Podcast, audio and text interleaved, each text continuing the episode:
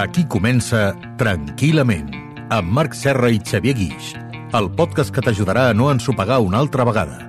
I t'ho assegurem amb FIAC, 5 lletres que et donen tranquil·litat. Bon dia, bona tarda, bona nit. Un treballador del Departament de Defensa dels Estats Units, interpretat pel Michael Douglas, acaba de ser convidat de la feina i té per endavant una missió que sembla bastant senzilla. Tornar a casa amb la seva filla i la seva dona. Però la jornada es complica i pateix el que dona títol a la pel·lícula i és un dia de fúria. Tengo que ir a casa. Tengo que llevarle un regalo. Solo intento llegar a casa para el cumpleaños de mi hijita. Si nadie se interpone en mi camino, nadie resultará herido. Perdone. Eh, perdone. No sé si se ha dado cuenta, pero hay personas esperando para usar el teléfono. ¿Ah, sí? Sí. ¿Quiere usar el teléfono? Exacto, capullo egoísta. Pues es una pena, porque ¿sabe una cosa?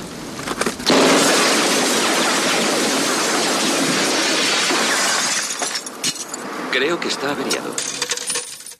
Avui parlarem de La Fúria, no de Michael Douglas disparant a una cabina de telèfons, o la versió més domèstica, que és l'enfadament.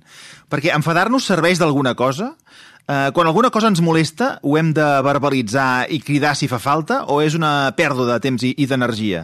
És certa aquella dita que diu que si estàs enfadat tens dues feines, enfadar-te més i desenfadar-te? Avui, gent enfadada i emprenyada amb el Xavier Guix. Xavier, què tal? Molt bé, molt content de tocar aquest tema, perquè és un tema que l'hem normalitzat. Hem normalitzat l'enfadament. Sí, és com ja, bueno, ja el caràcter, com que aquest és així, com que aquell és així... L'enfadament de Twitter, no? És, Que sí que és com son aquest- pare... aquest l'hem normalitzat. Eh, és com gent sa mare, Sí. que, i anem normalitzant el que de tant tant cridem, que de tant tant, ai, que, que es posa d'aquesta manera que es posa, però sembla normal. I en canvi estem fent una cosa que no és gens normal. Però, eh, a veure, un moment. Jo crec que en aquest cas, avui ens discutirem, eh? Perquè, és a dir, ara, ara entrarem més en profunditat i ho analitzarem des del punt de vista més psicològic. Però d'entrada, a mi, una persona que s'enfada, eh, si falta el respecte, totes aquestes coses, evidentment, que ja la, la desestimem. Però de vegades la gent que té la capacitat de fer uns crits, de tancar-se en una habitació, de tancar-se al lavabo, fer uns crits, renegar i llavors sortir i portar la cosa a la mar de bé, jo admiro aquestes persones, perquè prefereixo l'enfadament mmm, que no causa efectes secundaris a aquell que va de mala llet, per dir-ho així, tot el dia i no s'ho tret de sobre. No hem de treure, això? No hem de, de, de Sí. treure'ns-ho de dins? Una cosa és treure-m'ho de dins, Sí. eh? perquè doncs, fa mal, emprenya, eh, és com un nus, és una energia foscota que la portes a dintre, és un malestar, evidentment, i ens crispa els nervis, els nervis estan crispats, i per tant és evident de que tot et demana que facis alguna acció per relaxar, per destensar aquella tensió interior que portes. Si jo m'en- m'enfado amb el company de feina o la companya No, de feina això no. de- del costat, Això no. eh, no, vull dir, a veure, o sigui, què és millor? Mm, Dir-li de tot o... No. o no, no, a veure, un moment, o sigui, per, per, per, pensem-ho bé, això, perquè no és tan fàcil, aquest tema és polèmic. O sigui, dir-li de tot, amb, el, amb carinyo, i després doncs, demanar disculpes, el que sigui tal, o quedar-t'ho tot a dins, que tens aquella No. recremor, estàs a casa donant-li voltes Clar. tota la nit, hauria d'haver dit, perquè... Però per què Esclar. només em dones dues opcions? Ah, n'hi ha tres? I quatre. Ah, doncs digue'm, perquè les Ah. aprofitarem. Primera opció, que no sigui cap de les dues que has dit. Sí. Me'n me'n vaig al lavabo, Sí. me'n vaig a fer una volteta... Mm. Però, perdona, tu menges tu, això, eh? És que, és que tu has de menjar tu. O, per què? I si Per- l'altre t'ha fet alguna cosa que realment mereix que t'enfadis? D'acord, però aleshores, primer m'haig de donar compte. Estic així per allò que m'ha dit l'altre? Mm. Estic així per alguna cosa que jo arrossego? Estic així perquè tinc un pensament amb judici que diu "Ah, aquest sempre fot el mateix i me l'està clavant? Però en el dir, moment que t'enfades no penses tantes coses, Doncs per Xavier. això necessites una mica de temps. Ah. Per això. Per això has d'anar al No lavabo. penses per què m'estic jo enfadat. Això ja és una segona lectura, No, però en el no. moment que t'emprenyes ho engegues tot a dida i ja està. Llavors és- ja rumiaràs. Això és no saber-se controlar, Serra. Això és no tenir autocontrol. Llavors una cosa que aprenem a la vida és a autocontrolar-nos i, per tant, gestionar justament aquestes rebrincades que ens fa a l'estómac i que ens puja la fel aquí a la boca i que ens diríem, llavors, efectivament, faríem disbarats, diríem disbarats, etc etc. Aquell que se sap contenir no és per fer-se mal ni per quedar bé, és senzillament perquè diu, primer, abans que deixar-ho anar, deixem-ho treure de mi. Per què? Perquè el primer que de tot és d'això que està passant, què hi estic posant jo? Aquell que se sap contenir, que dius tu, és el que acaba ingressat al cap d'un mes amb una úlcera a l'estómac. No, això és perquè no ho ha tret. Ah, val, val, bueno, ja en parlarem en tot cas. Però treure-ho no vol dir arrojar-lo. Val. No vol dir agafar No vol la... dir llançar la cavalleria pel Exacte, damunt. no agafar la galleda amb tota la meva bilis i llançar-li l'altra, perquè l'altra quina culpa en té. Ara, Oh, quina culpa en té? És que potser sí que en té culpa. D'acord, però no, no, no seria culpa, en tot cas seria una responsabilitat. Potser no m'ha dit les coses ben correctament, potser no m'ha dit les coses eh, amb la cura que necessitaria, potser ha estat massa espontani, potser he fet menció a alguna que ha sigut una indiscreció. És a dir, qualsevol cosa d'aquest tipus. I aleshores, jo primer de tot haig de, haig de mirar-me a mi. A veure, eh, la meva resposta que estic tenint és perquè jo penso que aquesta persona és un X, Sí. i aquest X que li he posat és el que està causant que jo em senti tan malament. O bé és perquè allò que ha dit m'ha tocat, aleshores, com és que m'he deixat que em toqués això? Home, doncs això ho dec, ho dec de dir desprotegit. Potser aquesta part jo no la tinc, la tinc massa, massa suau. Tu Potser dient- pensava que, aquest no, eh, que a mi no, no em dirien coses d'aquestes i me les estan dient. Que l'exercici és per què he saltat. Més que per què... O sigui, per què m'he enfadat. És ado sí, és adonar-me'n de quins pensaments porten judici. Aleshores, quan hi ha una situació de conflicte, eh, el primer de tot és respirar. I respirar eh, no, no vol dir anar-se'n a donar una volta. Això és una, una cosa que es pot fer, una solució. Me'n vaig donar una volta. Si no puc anar a marxar una volta, haig de respirar. I és el que antigament, recorda que t'ho hauran dit més d'una vegada quan eres petit, potser ara de gran no t'ho diuen, que és compta fins a 3. Oh, quina ràbia. O fins a 10. O fins sí, a 5. depèn de l'enfadada, era fins a 10, eh? Exacte. Llavors, compta fins a 10. Llavors, què vol dir? Ara m'estic aquí aguantant. Però mentre t'estàs aguantant, aquella pujada baixa. O comença a baixar. I aleshores tens un espai, un petit espai de discerniment, en el qual siguis conscient què m'estic ficant al cap. I ja fa estona que des de que m'ha fet aquell comentari que estic dient, però aquest tio que s'ha pensat. Mm. I llavors, la idea que està rebotant dintre meu és el meu pensament aquest tio que s'ha pensat.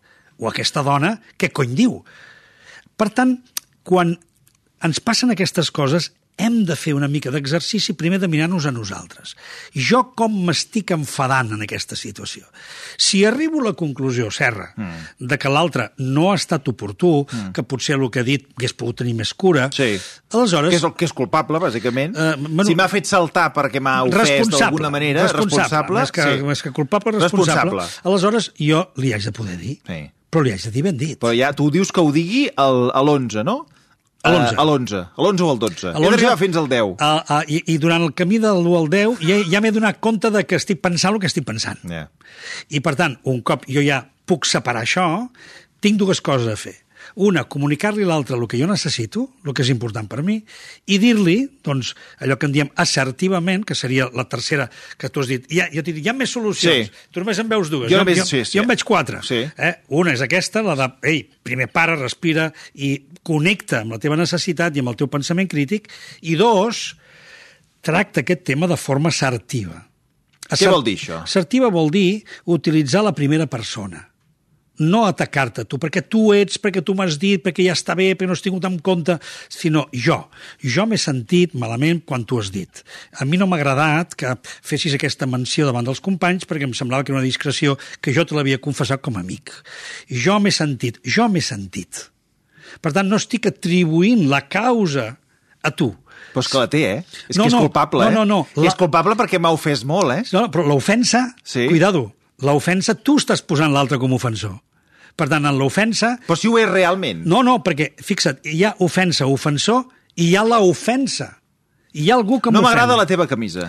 Vale, no m'agrada tota la meva Sí. camisa. I?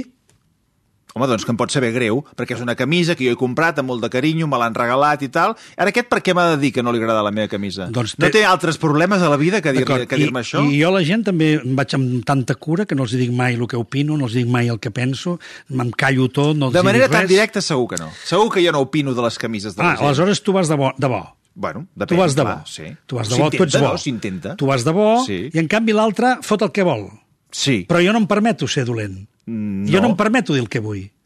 Per tant, jo, jo em mossego la llengua. Hmm. Doncs potser haig d'aprendre a no mossegar-me la llengua. Val, val, val, doncs ja vens més a la però, meva. però dir les coses ben dites. Per, però... per tant, no fer igual que l'altre. Perquè si faig igual que l'altre, m'igualo. I si m'igualo a l'altre, em sento una merdeta com l'altre.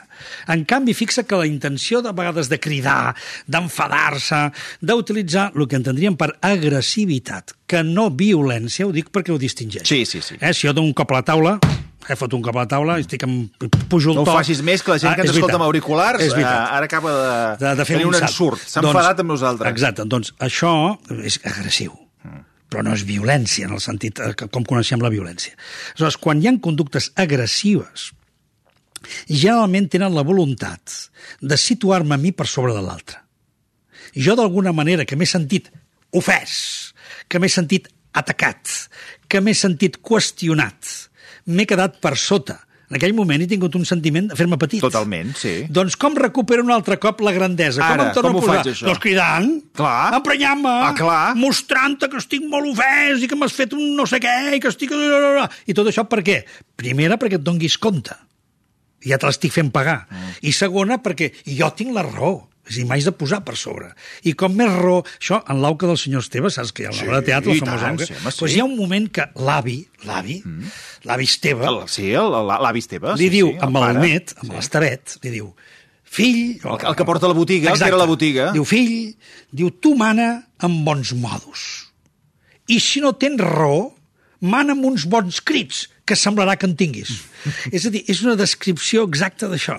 És a dir, com ens resituem ràpidament quan ens hem sentit ofesos, quan ens hem sentit petits perquè ens hem sentit qüestionats.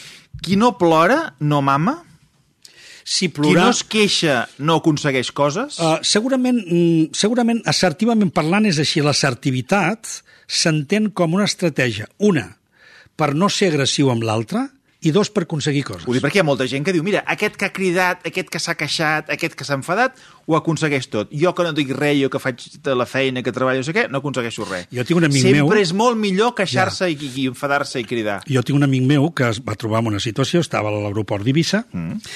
a punt d'agafar el vol, bueno, agafar el vol, d'agafar el bitllet, i davant seu tenia un d'aquests, justament, queixosos. Mm. I va muntar un sidral... Si estava en un aeroport, és probable que tingués raó.